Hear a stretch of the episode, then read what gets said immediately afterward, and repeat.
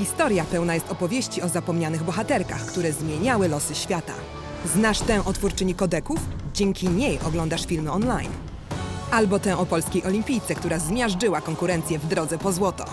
Wiesz, kto był ulubioną agentką Churchilla? To życiorys na miarę Jamesa Bonda.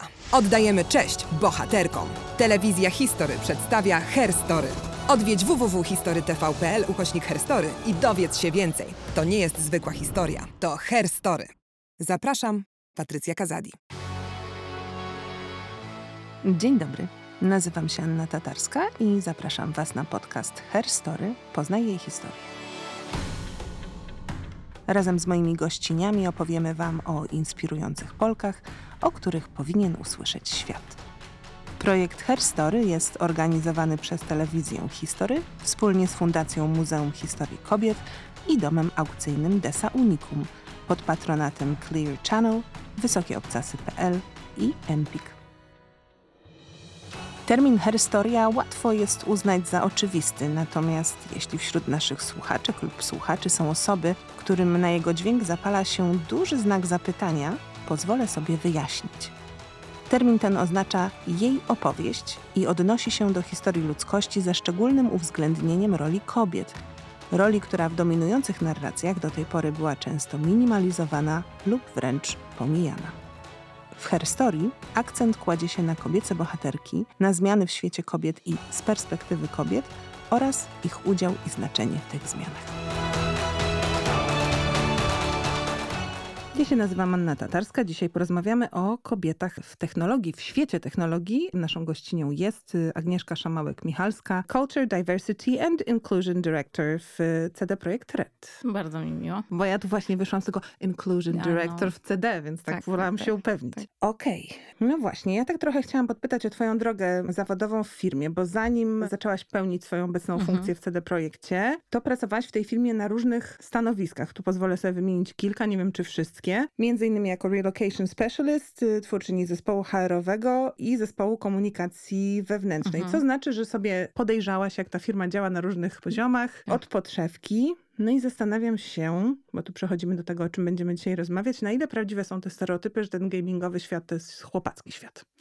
No, myślę, że możemy powiedzieć, że są i one są obowiązujące nadal, mimo że mm, jednocześnie ja widzę, ja pracuję tutaj blisko 11 lat, więc mogę powiedzieć, że y, zauważam absolutnie zmiany i one są widoczne i gołym okiem, bo po prostu chociażby dziewczyn jest dużo więcej e, w naszej firmie, czy w ogóle w game devie, ale te stereotypy są już bardzo, bardzo mocno utrwalone. No i myślę, że tutaj możemy godzinami rozmawiać o tym, z czego one wynikają i dlaczego są tak świetnie e, osadzone i zafundamentowane. No ale właśnie te wszystkie nasze inicjatywy, w tym dziewczyny w grze, o których będziemy później e, pewnie rozmawiać, Mhm. wynikają właśnie z tego, że, że widzimy taką potrzebę, że dziewczyny, które u nas pracują, często mówią o swoich doświadczeniach, tego jak były zniechęcane do tego, żeby podejmować taką ścieżkę rozwoju dla siebie, czy ścieżkę kariery przez swoich rodziców, przez swoich mm, nauczycieli, przez w zasadzie też e, znajomych, którzy postrzegają, że świat gier to jest męski świat, to jest e, przede wszystkim e, dla chłopców, taki boys club, ale też przez chłopców, a jeszcze bym powiedziała, czyli przez facetów dla facetów, a jeszcze w ogóle przez programistów. To w ogóle też jest jeszcze dodatkowy taki stereotyp obowiązujący bardzo mocno, że, że gry tworzą wyłącznie programiści, a, a to jest jakby świat gier jest dużo bardziej złożony. I to jest jeden aspekt. To są te dziewczyny, które u nas pracują i które o tym mówią, że mm, ich droga mm, często była trudna, nie była oczywista. Musiały się spotkać z tym, żeby właśnie z takimi reakcjami, no hej, to nie jest dla ciebie, albo z tym, że na konkurs e, informatyczny wystawimy kolegę, a nie ciebie, no bo kaman, jesteś dziewczyną. Mhm. E, I te dziewczyny, które do nas przychodzą na, na, do programu właśnie Dziewczyn w Grze, też nam dużo o tym opowiadają, że, mm, że mimo, że wydawałoby się, że tyle wody upłynęło już w rzece w międzyczasie, że żyjemy w jakimś innym świecie, no to się okazuje, że to są pozory, że być może ja też patrzę przez pryzmat jakiejś bańki, w której żyję, mieszkam w dużym mieście, mieście, od, od urodzenia w Warszawie i tak dalej, i tak dalej. I, I myślę, że świat na zewnątrz, poza dużymi ośrodkami miejskimi wygląda nadal inaczej. No właśnie do dziewczyn w grze, ale też do pewnych różnic wynikających tego, kto skąd jest, skąd przychodzi, wrócimy jeszcze. Ja miałam szansę przed naszą rozmową popatrzeć też na taką prezentację, która była przygotowana Mhm. przez was między innymi i tam się pojawiły takie statystyki, że globalnie 46% osób grających to są Mhm. kobiety. Ja byłam zaskoczona, bo właśnie biorąc pod uwagę te stereotypy, o których już wspomniałyśmy, to wydawałoby się, że te- ten No wynik dużo. powinien być Mhm. znacznie, znacznie niższy. Mhm. No i chciałam właśnie trochę pociągnąć ten temat, z czego w takim razie ten stereotyp, że gry nie są dla dziewczyn y, wynika, bo mi przyszło do głowy, że może, może, to jest też co się zmienia, ale właśnie myślę, że w naszej Mhm. bańce szybciej niż w innych miejscach, że przedmioty ścisłe są dla chłopaków, a Mhm. dziewczyny to są humanistki, a że gry, i to też Tak. jest stereotyp i też Jest- nieprawdziwe, że gry są właśnie ścisłe, a nie Mhm. humanistyczne, że nie ma w nich narracji, że nie ma Tak. w nich storytellingu. Dokładnie. No więc za- zaczynając od końca, to co mówisz, że ten świat gier jest tak bardzo złożony i tam e, znajdzie miejsce naprawdę osoba, która jest uzdolniona artystycznie, humanistycznie, że właśnie może pisać dialogi, może pisać fabułę, e, może e, projektować postacie, może projektować świat, w którym się gra toczy, może wreszcie komponować muzykę albo układać ścieżki dźwiękowe i, i znacznie więcej, bo tych możliwości jest jeszcze trochę, poza tymi, które wymieniłam. I to jest jedna jakby kwestia, że to nie tylko matma, tak, nie tylko fizyka, matma czy informatyka prowadzi do świata gier. Ale to, co powiedziałaś znowu, to jest bardzo mocno utrwalony stereotyp, że rzeczywiście dziewczynki są uważane za humanistki po prostu, że lepiej sprawdzają się y, ucząc języków, y, czy pisząc wypracowania, opowiadając historię. Przygotowując się do tej rozmowy, czy w ogóle przygotowując program, czytałam dużo badań na ten temat, które są prowadzone we Francji, w Stanach, na temat właśnie tego, co się dzieje i kiedy, na jakim etapie. I wychodzi na to, że dziewczynki w zasadzie do 10 roku życia postrzegają swoje szanse y, na równi y, Mhm. z chłopcami, tak? Czyli tu nie ma różnic, jeśli chodzi o to, jak one czują się swobodnie, dobrze właśnie w przedmiotach ścisłych. I potem następuje około 10 roku życia jakieś takie e, tąpnięcie, w którym po prostu zaczynają wątpić w te swoje możliwości, w swój talent. No i pytanie, e, co jest e, pierwsze, co jest wtórne, tak? Co, czy to jest świat zewnętrzny, który je jakoś do tego predysponuje i przekonuje, że może zajmie się czymś innym. E, Bardzo ciekawy raport e, prezentowała taka fundacja Inspiring Girls, e, która właśnie pokazywała, że po pierwsze też mniej więcej około 10 roku życia następuje w ogóle spadek u dziewczynek wiary w siebie. To jest, Mhm. Czyli to w ogóle jest jakaś taka No, ciekawa to chyba jest korelacja, bezpośrednio prawda? związane z okresem pokwitania No, i z też. Myślę, że też. zewnętrznego ośrodka dowartościowania. Wjeżdżają tutaj Dokładnie. kwestie wyglądu. Tak, bardzo mocno, prawda? Mm. I, no i też to jest kwestia tak zwanych role models, których jest mniej, dużo mniej w tym, w tym świecie technologii czy STEM szeroko tutaj rozumianego. I z tego raportu, o którym mówiłam, w ogóle e, wynika, że dziewczyny wtedy zaczynają mówić o tym, że kim one chcą być. Chcą być youtuberkami, e, influencerkami, bo tego jest jakby nadpodaż, tak? W tym momencie powiedziałabym, że jest nadpodaż takich właśnie modeli czy inspiracji dla dziewczyn, a już takich, które byłyby, nie wiem, inżynierkami, programistkami, czy właśnie art dyrektorkami, jest znacznie mniej. Przypomnij mi tylko, y, Mhm. jak rozwijamy STEM, bo ja sobie nie mogę przypomnieć, co to jest E, bo to jest Science, Tech Education, tak. Mhm. i Math. Math, Mhm. Tak. Okej. Mhm. Tak, rzeczywiście, wiesz, y, zauważyłam, że Engineering, sorry, E, chyba się tutaj e, engineering. Mhm, że, y, że to jest teraz troszeczkę taka nowa fala i też są osoby publiczne, przypominam się Natalie Portman, które próbują też odczarować właśnie te stereotypy, Mhm. Tak. organizując różne programy, co też jest ważne chyba, że w tej sferze widzialności takiej, y, jakiejś popularności to się zaczyna pojawiać Tak. też jako coś takiego cool, Cool. powiedzmy. No, no, no wydaje mi się, że to są ostatnie, y, nie wiem, lata, policzyłabym na y, lata, a nie dziesiątki lat, kiedy ta otaczająca nas y, rzeczywistość zaczyna być taka bardziej otwierająca oczy i właśnie otwierająca świat dla, dla tych dziewczyn, patrząc na, nie wiem, klocki, które zaczynają być już nie targetowane, że różowe to są, prawda, Mhm. dla dziewczynek i kawiarnie dla Dom. dziewczynek, dom i zabawy w dom i tak dalej. Przez w ogóle no, wszelkie rodzaje konkursy czy programowania y, które się pojawiają właśnie w szkołach, aczkolwiek tu zauważyłam już, jako mama mówię, że one jednak, jakbym popatrzyła na to, jak jest ulotka kształtowana, jak jest tworzony ten przekaz,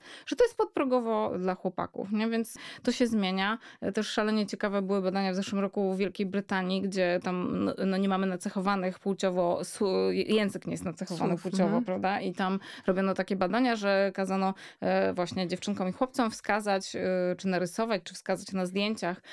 Był engineer, doctor, profesor, ale to wszyscy e, byli mężczyźni, tak? Czyli w Mhm. przeważającej większości te obrazki wybierane czy rysunki to byli mężczyźni, ale kiedy były nurse, czyli osoba, która pracuje jako praca Mhm. opiekuńcza, to Mhm. już były kobiety, czy nauczycielka. I to są z kolei te gorzej płatne na przykład, tak? Zawody jakoś Ale tak się ten w Polsce robi. też to widać. Oczywiście u nas język y, no, ma, ma płeć, ma rodzaj. Mhm, y, tak. Trwa oczywiście też walka o, o feminatywy, ale zwróćmy uwagę, że na przykład feminatywy odnoszące się do zawodów właśnie o niższym prestiżu społecznym, do zawodów generujących Mhm. niższy przychód, są zwykle Tak. mniej kontrowersyjne niż y, chirurżka. No, prawda? właśnie, prawda. No język sobie można na tym Połamać, złamać, ale tak, pielęgniarka tak. Już bez problemu. No, No właśnie, teraz wprowadzimy tutaj taki te, termin jak game dev. Ja sama musiałam sobie przypomnieć, Mhm. przyznam szczerze, co to jest. Okazało się, że, że wiedziałam, ale jakoś zdążam zapomnieć, czyli game e, development. Mhm. Graczek jest całkiem sporo, ale jeśli spojrzymy właśnie na przestrzeń game devu, no to ten procent nagle zaczyna Spadać, radykalnie spadać. U was jest trochę lepiej Mhm. statystycznie w, w CD Projekcie, bo te ogólne statystyki mówią o tym, że tylko 20% osób zajmujących się tworzeniem gier to nie są osoby, które się identyfikują Mhm. jako mężczyźni. Mhm. U was y, znalazłam takie wyniki, popraw mnie, jeśli coś źle zapisałam, 32% i 22% w zespołach deweloperskich. Tak. Jak myślisz, dlaczego jest właśnie taka różnica pomiędzy tym odsetkiem graczek a kobiet w game, game devie?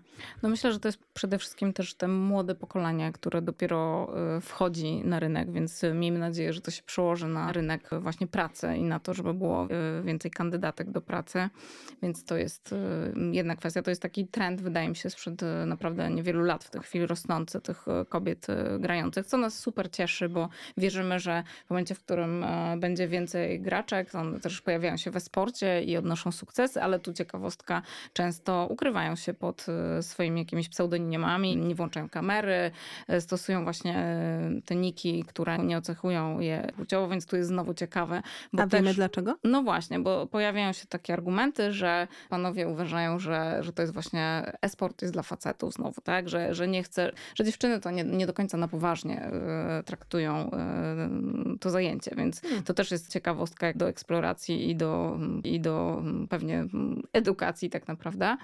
Mm, Natomiast co do tego, czemu tych dziewczyn nie ma, no my, my się zastanawialiśmy naprawdę dosyć solidnie, odrobiliśmy lekcje, żeby pomyśleć, że z czego to wynika, tak? Czy to są kwestie e, na przykład e, ogłoszeń, mm, nie wiem, o pracę, które są w taki sposób napisane, że, one jednak interesują mężczyzn, albo czy to jest kwestia prowadzenia samej rekrutacji, tak, że w jakiś sposób, nie wiem, czy odrzucamy te dziewczyny na starcie, czy one nie przechodzą procesu rekrutacji. No ale okazuje się, że, że tutaj mamy odrobione, e, odrobione lekcje i wszystko jest ok i po prostu tych kandydatek jest za mało, tak.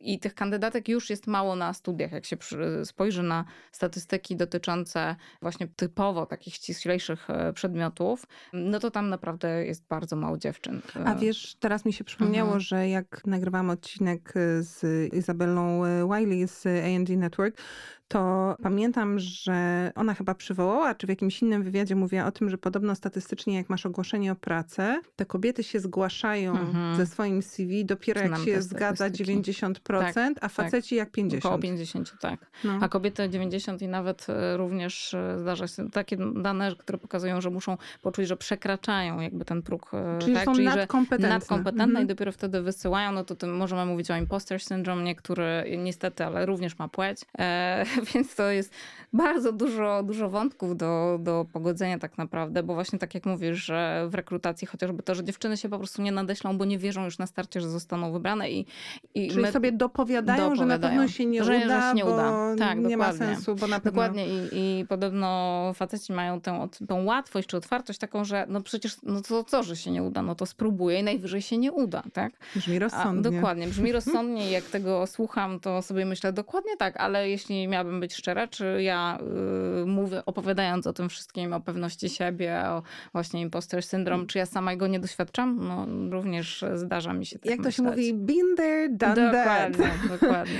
Oczywiście, że tak. No właśnie, zastanawiam się, jak ta sytuacja wpływa na kształt rynku growego w tym sensie, że no znowu wracamy ten Mhm. stereotyp, prawda, męski produkt, ale jak się nad tym zastanowić, to rzeczywiście przez lata, teraz jest już od jakiegoś czasu trochę inaczej, ten rodzaj oferowanych przez rynek growy doświadczeń można było Mhm. jakoś tam połączyć z tą znowu stereotypową, uśrednioną, pewnie nie zawsze sprawiedliwą, tak zwaną męską e, wrażliwością. E, nie wiem, no wiesz, bójki, Mhm. strzelanie, wątki militarne. W ogóle świat gier takich bardziej jakby doświadczeniowych, Mhm. psychologizowanych, to nie jest jakaś e, sprawa z super długą Mhm, tradycją. Mhm. Więc zastanawiam się właśnie, jak ta kwestia płci wpływa na rodzaj produktów, Mhm. które są dostępne. O, Powiedziałabym tak, że nie nie znam twardych danych, które by pokazały, że, y, że konkretnie płeć y, pracowników, osób pracujących wpływa na, na to, jaka będzie gra. Natomiast już mamy dane na temat tego, jak różnorodność wpływa na y, poziom kreatywności, na poziom innowacyjności. Więc wierząc w to, że jakby różnorodność ma bardzo dużo wymiarów, w tym płciowy, Mhm. no to przekłada się to również na to, jakie tworzymy y, finalnie gry. I wierzę, że one są dzięki temu ciekawsze, że większe grono odbiorców może się identyfikować z postaciami, z przeżyciami, z historiami, że nie boimy się podejmować trudnych społecznie tematów. I ja Mhm. wierzę, że ta gama perspektyw, ta gama doświadczeń, którą się przynosi ze sobą, po prostu wpływa na, na ten finalny y, kształt. I historię taką najbardziej, ym, bym powiedziała, przyziemną. Niedawno słyszałam o tym, jak była dyskusja wśród artystów y, o tym, każdy z nich miał narysować, y, zaprojektować przystanek i każdy z nich narysował kompletnie jakby coś innego. Mhm. No i, i była dyskusja, no ale tak wyglądają przystanki, a to u mnie, nie? tak w moim kraju tak wyglądają przystanki. Mm, Chodziło o tę różnorodność kulturową. I to jest właśnie taki bardzo prozaiczny przykład tego, jak y, różne doświadczenia, ten background, który mamy ze sobą po prostu, przekłada się na, y, na, na to finalne efekty tej pracy. Więc y, mówi się o tym, że innowacyjność wzrasta dzięki różnorodnym perspektywom, y, że właśnie poziom kreatywności, ale też, że wnosi się pewnego rodzaju inną wrażliwość, empatię, czy mm, kulturę w dyskusji, więc wierzę w to, że tak jest. Mm, Przyszło mi do głowy spontanicznie takie Mhm. pytanie. Zastanawiam się, czy jest jakaś paralela pomiędzy właśnie światem gier, a światem filmu, z którym ja z kolei mam na co dzień Mhm. wiele, y, wiele wspólnego, bo tam mówiło się o tym, że przez lata, kiedy statystyki dawały na to twarde dane, mm, ten punkt widzenia tworzący te światy przedstawione, które do nas potem w formie filmów y, trafiały, należał jednak głównie do tego męskocentrycznego spojrzenia, to nawet jeśli na pierwszym planie były postaci kobiece, to to były postaci kobiece, które właściwie można byłoby przepisać i zmienić im płeć Mhm. albo realizację jakiejś fantazji. I też bardzo często wchodził w to wątek seksualizacji. Wydaje Mhm. mi się, że w przypadku gier Na to pewno. chyba też ma rację tak, na bytu. pewno i, i, i tutaj widzimy, że też są ogromne zmiany w tym aspekcie, że właśnie te postacie są gry, gdzie głównymi bohaterkami zaczynają być kobiety, a dwa, że właśnie one już nie wyglądają jak Lara Croft, więc to myślę, że też jest wpływ coraz większego udziału dziewczyn tworzącego grę. Myślę też, że to pasuje z kolei, znowu to słowo stereotyp to dzisiaj padnie 50 tysięcy Mhm. razy, ale do innego, z mojej perspektywy nawet w pewnym sensie przyjemnego stereotypu, czyli nerdki, która, Mhm. e, która gra. Dla mnie to jest słowo w pewnym sensie, które jest komplementem, bo ono co prawda pewnie płynie ze złego miejsca, ale kojarzy mi się, wiesz, z inteligencją, z własnym Mhm. zdaniem, z byciem kimś, kto się wyróżnia, kto widzi Nie świat ulega trendom, inaczej. Tak. Mhm. I myślę sobie, że dla tych dziewczyn, które grają, a nie chcą być Larą Mhm. Croft, jest chyba teraz coraz więcej możliwości, Możliwości, no. też na tę projekcję, Tak. identyfikację. Zdecydowanie. No my cieszymy się tym, że w studio możesz spotkać dziewczyny, które wyglądają bardzo różnie, tak? I są i bardzo kobiece i mogą być w związku z tym, czyli nie musisz być z kolei nerdką. Też mi się kojarzy, że nerdka to będzie osoba po prostu siedząca w bardzo dużym swetrze, okularach. Czyli nie wpisująca prostu, się w Ale nie kanon. wpisująca się dokładnie w kanon. I, w kanon. I to jest genialne i y, ja to kocham w tej właśnie różnorodności sytuację, że przychodząc do firmy, ja widzę ogrom tych możliwości i tą wielobarwność, bo to jest y, dosłownie, ja bym powiedziała, że dosłownie tą wielobarwność przejawiającą się w kolorowych włosach, kolorowych ciuchach, ale nie tylko, bo możesz przyjść i w koszuli, y, jak masz taką ochotę i w spodniach w kant i przyjść w różowych włosach. To jest wolność. Dla mnie to jest bomba, bo też myślę sobie, że jednak nie każdy fan Wiedźmina wygląda jak Wiedźmin, więc Nie to każdy, powinno działać dokładnie. dla wszystkich. Tak, tak. Równy dostęp y, do rozmaitych alterego. Ja Mhm. myślę, że to jest dobry, dobry postulat. No i y, zapowiadałyśmy już, że porozmawiamy o projekcie Dziewczyny w grze, stworzonym wspólnie z Fundacją Perspektywy. To Mhm. jest trochę taka wasza CD Projektu odpowiedź na, na tę sytuację jakby nierówności i, i niedoborów. Y, Jakbyśmy mogły się cofnąć do samego początku, opowiedzieć skąd to się właściwie wzięło, ale potem też troszeczkę o realizacji, bo tutaj się pojawia na drodze tego projektu ważna osoba, o której też chciałabym, żebyśmy Mhm. powiedziały parę Mhm. słów. Tak jak zaczynałyśmy tę rozmowę, pracujemy w, w środowisku, który stereotypowo postrzegany jest jako świat bardzo męski. Hmm. E, Ja mogę powiedzieć, że zaczynając w firmie byłam, nie wiem, było 130 osób i dziewczyn było pewnie z 8, może 10. W tej chwili te liczby mówią same za siebie, jest nas znacznie więcej, więc ja obserwując przez ten czas, jak się kształtuje właśnie skład zespołu, to widzę, widzę te zmiany, tak? Natomiast one postępują wolno. Tak, tak byśmy sobie no, przyjrzeli się, to nadal, no kurczę, to jest 22%, tak? I tak globalnie to jest mniej więcej, tak się na świecie liczy, że te w zespołach dewowych to jest 18-20% kobiet, czy, czy osób nie identyfikujących się jako mężczyźni. I e, no i zaczęliśmy myśleć o tym, że dlaczego tak jest. No i tutaj wymieniłam już tak, że rekrutacja okej, że, że próbujemy dotrzeć, że próbujemy to zaopiekować jakoś. No i myśleliśmy sobie, no dobra, to zrobimy, nie wiem, praktyki studenckie.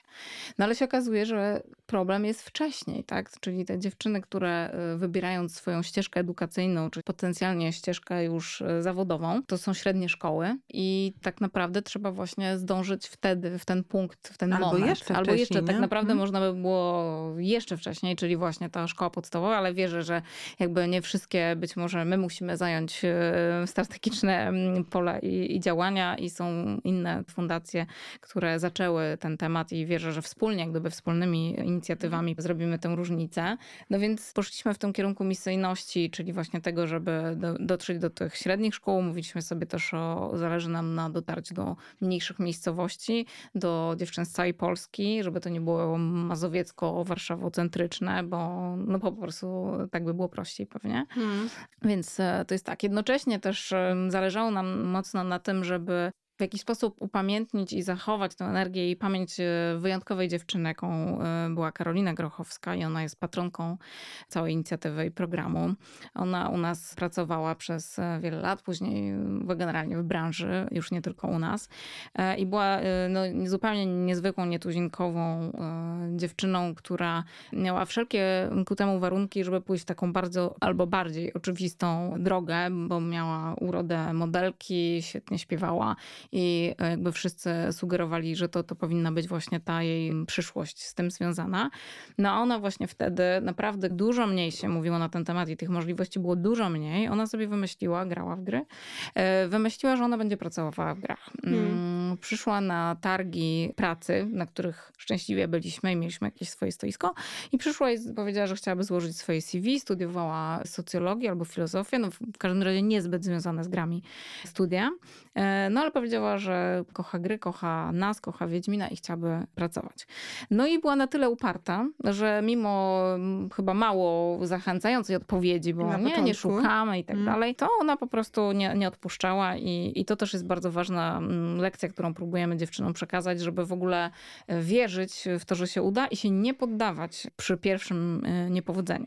I Karolina do nas dołączyła. Ym, Finalnie e, zajmowała się produkcją gier, czyli taką koordynacją, właśnie łączeniem tych wszystkich kropek, prze, przecięć i, i zależności.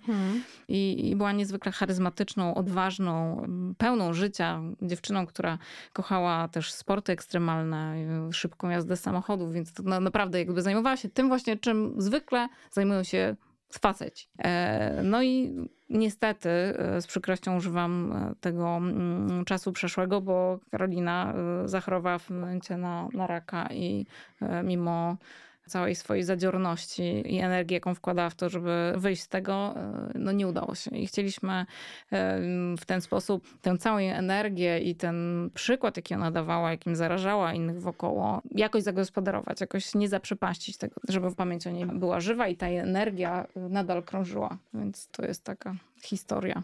Ale to, Smutna, brzmi, to ale- brzmi jak dobry sposób kontynuowania tej, tej myśli i zachowania tej energii, taki Dokładnie. zgodny z osobą, która ją Tak, wypuściła w świat. Tak, ja wierzę, że ona byłaby zadowolona i że głośno by mówiła o tym programie.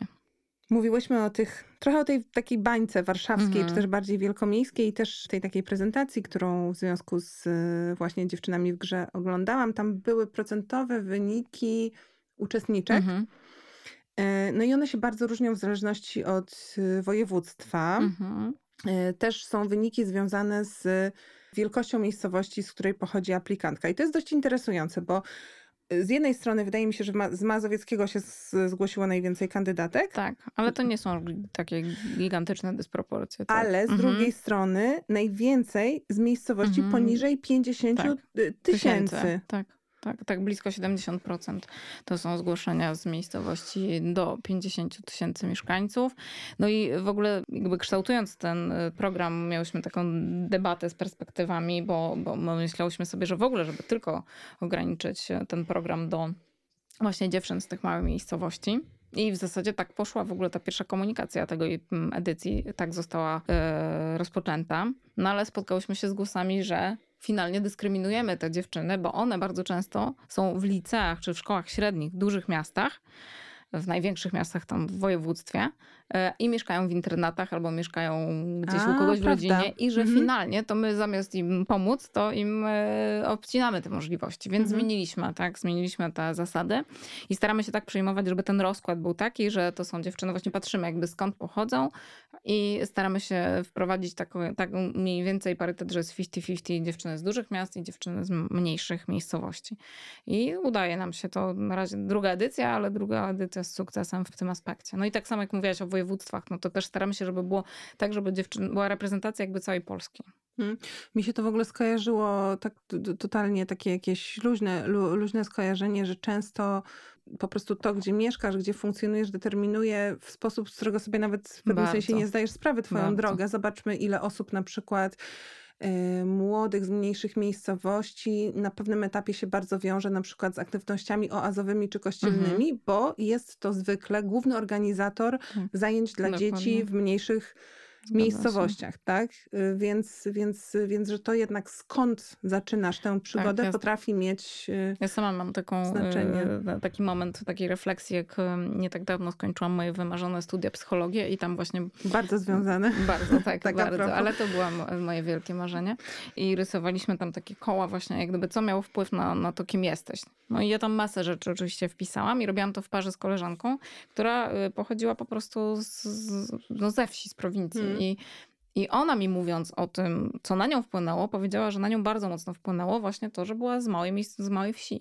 Mm. I to mi dopiero uświadomiło, i jakby w dyskusji z nią uświadomiło mi, że to, że ja mieszkam w mieście, a to jeszcze, że jest stolica, to że pewne, ja pewne rzeczy przyjmuję jako oczywistość, tak? Nie Tak. wiem, że stoi Zamek Królewski, albo co to jest Pałac Kultury, albo teatry i tak dalej, że to jest dla mnie absolutna oczywistość. Albo, że możesz nie? chodzić do liceum na drugim końcu Dokładnie. dużego miasta, bo masz Tak. tramwaj, metro, y, autobus tak. I że w ogóle samochód. potrafię poruszać się Mhm. e, metrem, tramwajem, autobusem i tak że dalej. istnieje komunikacja Że- tak. publiczna. Tak, I, i to mi dopiero jakby uświadomiło, bo tak uważałam to za absolutnie, no, no, no po prostu, Mhm. tak? I, i nie, nie, nie widziałam tego, że to ma, ma realny wpływ. I teraz nawet patrząc na te dziewczyny, które do nas przyjeżdżają, bo my organizujemy im e, zjazdy, które się też odbywają właśnie w, Warszawie.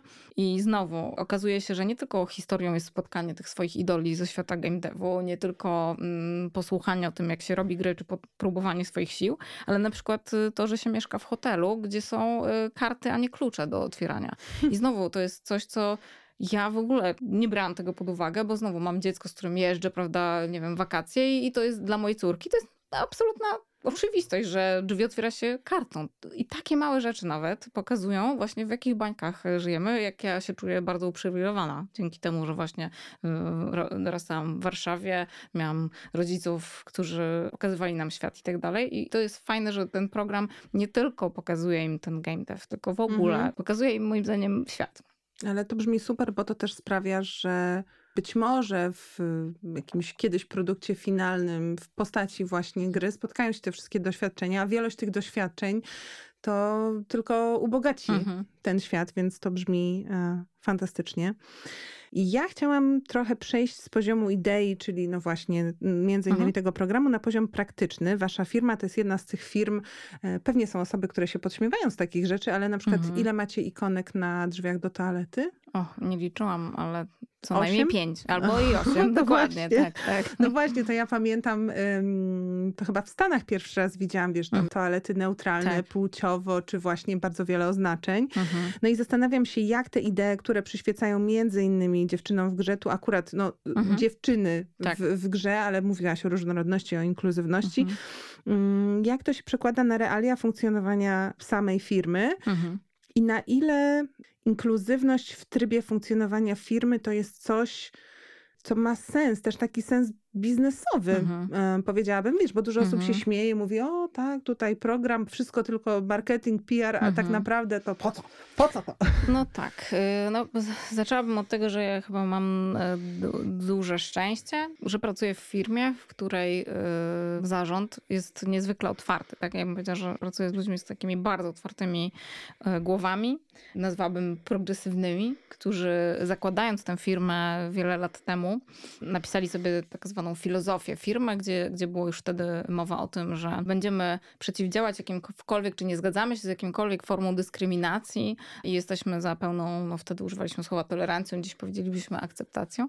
I moim zdaniem to jakby były już takie podwaliny. Wtedy nikt nie mówił, nie używał żadnego słowa diversity, nikt nie mówił o inkluzywności czy włączaniu. Po prostu oni wierzyli w to, że tak należy, bo tak. Jakby to, to, to często wybrzmiewa z ust mojego szefa, że po prostu wierzy, że należy być nie wiem, uczciwym, albo że wierzy, że należy tak postępować, bo tak. No i to jest Mhm. właśnie, właśnie to jest od tego, bym powiedziała, to to jest zaczątek, że, ja, że my czy ja nie, nie musieliśmy pokonywać jakichś gór i przekonywać niezwykle ym, gorąco Bo e, ktoś swoich, wcześniej ich nie wzniósł po dokładnie, prostu. Dokładnie, bo tu już powiedziałabym, że ten grunt był bardzo podatny. W związku z tym te nasze różne pomysły na to, w jaki sposób budować takie zdrowe środowisko pracy i zespoły, które są e, pełne szacunku dla siebie, otwartości, zrozumienia, nie wiem, empatii, no to y, my mamy do tego przestrzeń, tak? Więc to jest na pewno łatwiejsze niż w wielu firmach, w których być może trzeba te drzwi dopiero gdzieś tam wyważać. Nie, nie, nie czuję, że musiałam wyważać. One były jakoś już, już uchylone.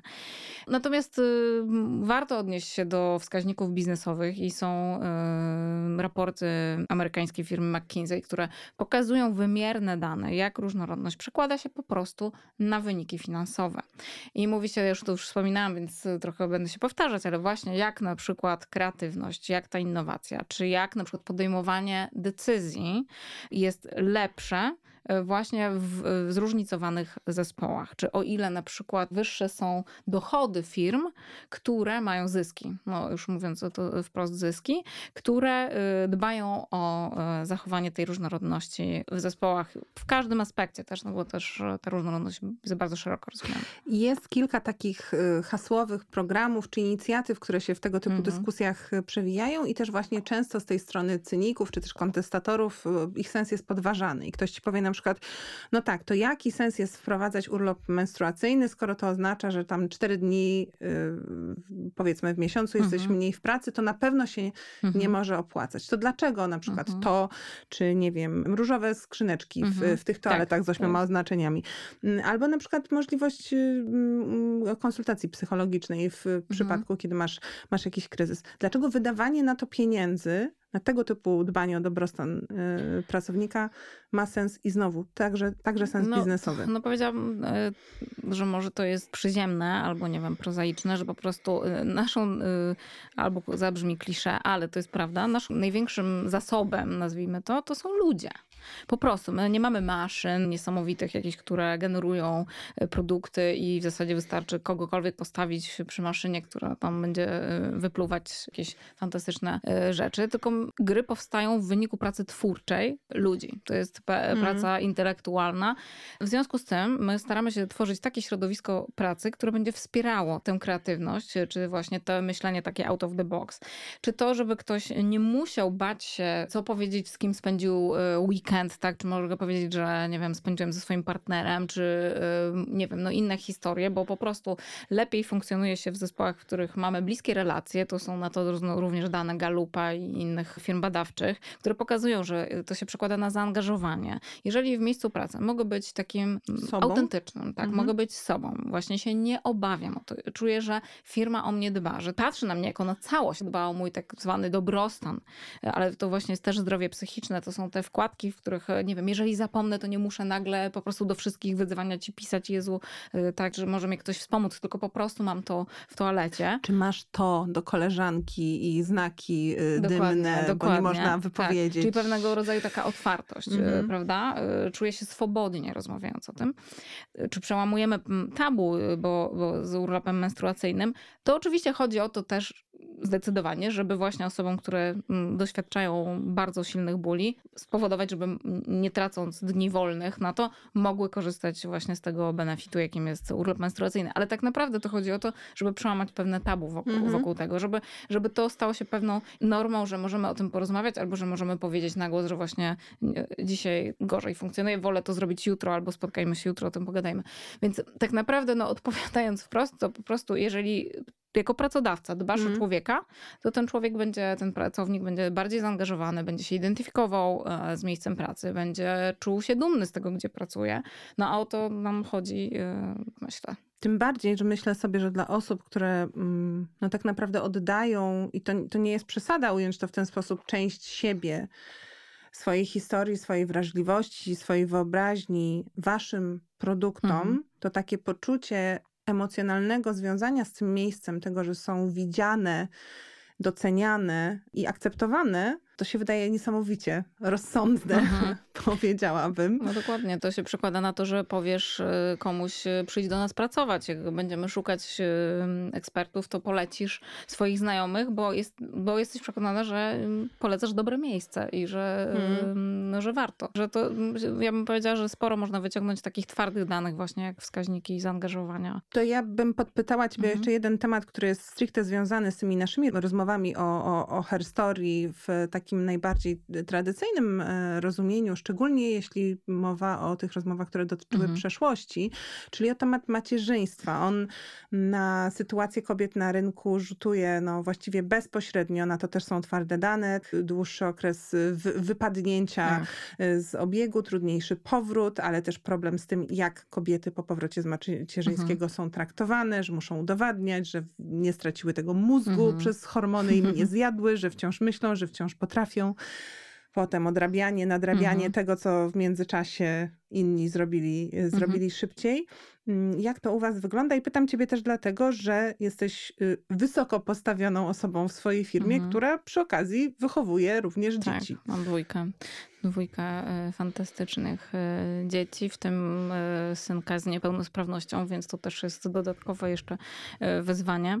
To jest tyle wątków, że próbuję zebrać myśli. Tak? To jest e, od tego, żeby w ogóle dać poczucie kobiecie, że ona jest nadal częścią e, firmy. W związku z tym bycie w kontakcie. Jeśli sobie życzy, bo oczywiście może też sobie nie życzyć, ale to jest od takich drobnych rzeczy jak wysyłanie paczek na święta, które są dla pracowników, od zapraszania e, na imprezy, bo może Nie ma zniknęłaś ochotę, dla nas. nie zniknęłaś dokładnie. Mhm. To, to, czyli to jest to bycie w tej relacji, podtrzymywanie tej relacji. To jest wreszcie zadbanie, e, jak wraca dziewczyna, o to, żeby jej pokazać, co się zmieniło i to wejście z powrotem nie było tak e, bolesne, tak? Albo tak utrudnione, bo na przykład my pracujemy w niezwykle dynamicznym środowisku pracy. Przez rok potrafi się zmienić tak dużo, że wraca Mhm. się jakby się było w innym miejscu. W związku z tym zadbanie o to, żeby dziewczyna, która wraca, czy rodzic, który wraca po dłuższej nieobecności, łatwo odnalazło się w tych, nie wiem, czy jest nowa struktura, czy w ogóle w firmie, y, czy właśnie nowe produkty, czy nowe polityki, no cokolwiek, co się y, zmienia, a dużo się zmienia, żeby ten próg wejścia był łatwiejszy. W związku z tym my w tej chwili przymierzamy się do takiego re-onboardingu, czyli że właśnie wracasz i masz ten czas na to, żeby się zapoznać z tym, co się zmieniło, e, wejść, e, wejść w to z powrotem. To są wreszcie, nie wiem, jeżeli są na przykład jakieś e, systemy premiowe, to, no to, to w ogóle już duży, duży wątek, w jaki sposób zadbać o to, żeby te dziewczyny nie wypadały, czyli jeżeli są na przykład podwyżki w tym czasie, czy są awanse, to żeby one były zaplanowane dla nich, kiedy wracają, a nie, że to jest forever po prostu forget, nie? Po prostu nie było cię Nie trudno, było cię, wypadło, koniec. więc czekasz następny rok. Tylko żeby o tym pamiętać.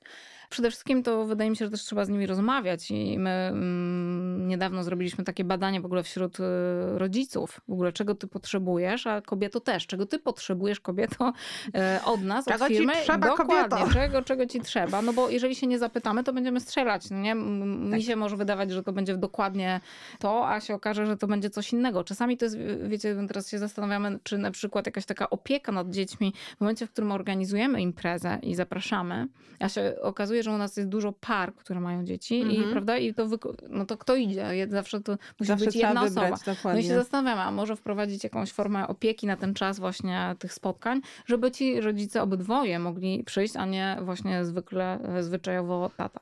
No więc e, tych inicjatyw jest, robimy półkolonie e, wakacje, które są współfinansowane, czyli znowu jak tu zadbać o to, żebyś się nie musiał rodzicu, czy nie musiała mamo stresować tym, co zrobić z tymi dzieciakami przez dwa miesiące. W związku z tym jest, e, organizujemy w lipcu i w sierpniu takie półkolonie, gdzie się te dzieci przywozi do pracy i one znikają na 8 godzin codziennie i mają zapewnioną fantastyczną zabawę. No także dużo można robić. Po pierwsze chciałam dodać, że mm, temat y, na przykład urlopu tacierzyńskiego również jest Mhm. mi bliski, tylko on się po prostu nie do końca wpisuje w to, o czym my Mm. dzisiaj rozmawiamy, Tak, ale, ale zaznaczę, że. Po prostu rozmawiamy Tak. o wycinku Tak. pewnym rzeczywistości, no ale to jest podcast y, Her Story, a nie Tak, his. Ale to jest history. zdecydowanie bardzo Ale to ważne. też to jest bardzo edukowanie ważny właśnie temat. o tym dzieleniu się partnerskim, tak. Tak. to jest też ważne. A po drugie, to bardzo zaczynam myśleć, że chciałabym u was pracować. Zapraszamy, zapraszamy oczywiście. Na koniec y, chciałam Ci zadać takie pytanie, które zadajemy wszystkim naszym gościniom. Ono nie wymaga absolutnie żadnej dodatkowej wiedzy poza y, wiedzą Twojego serca i Twojego Mhm. doświadczenia. Czyli pytanie o inspirujące kobiety w, w Twoim życiu. Mhm. Te znane, te nieznane. Y, masz takie osoby, które Mhm. wpływały bardzo na to, Tak. gdzie jesteś, kim jesteś. Tak, Ja się chwilę zastanawiam nad tym e, pytaniem i, i tak, jako pierwsza przychodzi mi do głowy e, Amala Clooney, no bo jest, e, ja w ogóle jestem po prawie, no, więc dla mnie to jest właśnie prawniczka odnosząca sukcesy, na dodatek działająca w bardzo ważnych, ważnym Tematy obszarze, humanitarne. tak, tematy humanitarne, Mhm. dla mnie właśnie Prawa prawa człowieka. człowieka, niezwykle ważne. No to to jest jeden aspekt, działa w ONZ, więc ma przełożenie na, na światową skalę. Dwa, no oczywiście spełnia się, jest mamą bli, bliźniaków chyba, tak, i wygląda na dodatek jak modelka mimo urodzenia bliźniaków. No i jeszcze I nie przy zapominajmy przy okazji... udowadnia, Tak, jeszcze chciałam powiedzieć, Tak. tego udowadnia, że to, że jesteś osobą mieszczącą się w kanonie, jednocześnie nie dyskredytuje twojego potencjału intelektualnego, Tak, co jest dokładnie. taką nieoczywistą dyskryminacją w drugą Tak, stronę, która tak. też czasami się Tak, i zdarza. bardzo mi się podoba, że często y, y, jest jej mąż przedstawiany jako mąż Amali, więc Ale to mi jest się bardzo podoba. zadowolony z tego. Tak, Dodajmy, tak, że tak, mówimy o George'u, O George'u. Clooney'u, Dokładnie. Natomiast jak ja sobie to wszystko tak poskładałam, dlaczego ona, to jednocześnie powstało we mnie y, taki wewnętrzny bunt i taka niezgoda, że a w sumie to, to mnie wkurza. Bo de facto to ja czuję ogromną presję, że trzeba być Idealna. taką idealną Mhm. I, i taki y, przekaz, że możesz mieć wszystko, prawda? Możesz być piękna, odnosić sukcesy, mieć rodzinę, mieć super karierę, no i jeszcze mieć y, męża, o którym marzą y, miliony kobiet. I Pomyślałam sobie, że w sumie to w ostatnim czasie to chyba bardziej mnie zainspirowała premierka z Nowej Zelandii, e, Jacinda, która po prostu zeszła z tego stanowiska i powiedziała, że kurczę, nie wszystko da się pogodzić i że właśnie teraz te priorytety się zmieniają i ona musi mieć czas na coś innego. I tak sobie pomyślałam, że to chyba jest dla mnie bardziej inspirujące i że bardziej y, szukałabym tych przykładów na to, jak sobie odpuszczać, na przykład dać sobie prawo do odpuszczania. I się nie wstydzić. I się nie wstydzić, Mm. dokładnie. I nie czuć tych wiecznych wyrzutów sumienia i poczucia winy, y, a nie właśnie jak łączyć wszystko. I na koniec powiem, że taką moją mentorką jest moja córka, 14-letnia, która naprawdę y, jako rodzicowi daje mi w kość. Ona nie stawia moich potrzeb ponad swoje, tylko ona bardzo, bardzo mocno walczy o, może nie to, że swój komfort, ale o siebie, po prostu o siebie, o niezadowolanie wszystkich innych wokół, szkoły, rodziny i tak dalej. Tylko właśnie o tym ona się zastanawia, co dla niej jest dobre. I, I właśnie tak jak mówię, dla mnie jako mamy jest to bywa bardzo trudne, a jednocześnie jest niezwykle inspirujące. I w tym roku udało mi się e, zaczerpnąć z niej wzorzec i zrobić właśnie wokół świąt, zrobić to, na co ja e, miałam ochotę, a nie dopasować się do całej reszty. I tak, więc moja córka Gabrysia. Jak tak ciebie słucham, to myślę sobie, że każda, każda z tych wersji, z tych opowieści o inspiracji mogłaby być świetnym e, też punktem wyjścia dla, dla narracji w grze i, i, i dla bohaterki, takiej, która może na pierwszy rzut oka nie wydaje się tak spektakularna, ale potem jakbyś tak zaczęła wchodzić e, w jej świat i jeszcze żeby to było tak pięknie zrealizowane, jak to u was bywa, to myślę, że no siedziałoby się w tym chyba jednak e, długie godziny. Pogadam z kolegami i koleżankami w firmie. Świetnie. Chciałabym zobaczyć bohaterkę, która odpuszcza Dokładnie. i się nie wstydzi. Dokładnie. To by było interesujące. świetne. Dziękuję Ci bardzo. Naszą gościnią była dzisiaj Agnieszka Szamałek-Michalska. Przypomnę tylko Culture, Diversity and Inclusion Director w CD Projekt Red, a ja się nazywam y, Anna Tatarska. I tak, i teraz dziękuję Ci jeszcze raz. e, Tak. Dziękuję pięknie. Historia pełna jest opowieści o zapomnianych bohaterkach, które zmieniały losy świata. Oddajemy cześć bohaterkom. Telewizja History przedstawia Herstory. Odwiedź www.historytv.pl ukośnik Herstory i dowiedz się więcej. To nie jest zwykła historia, to Herstory. Zapraszam, Patrycja Kazadi.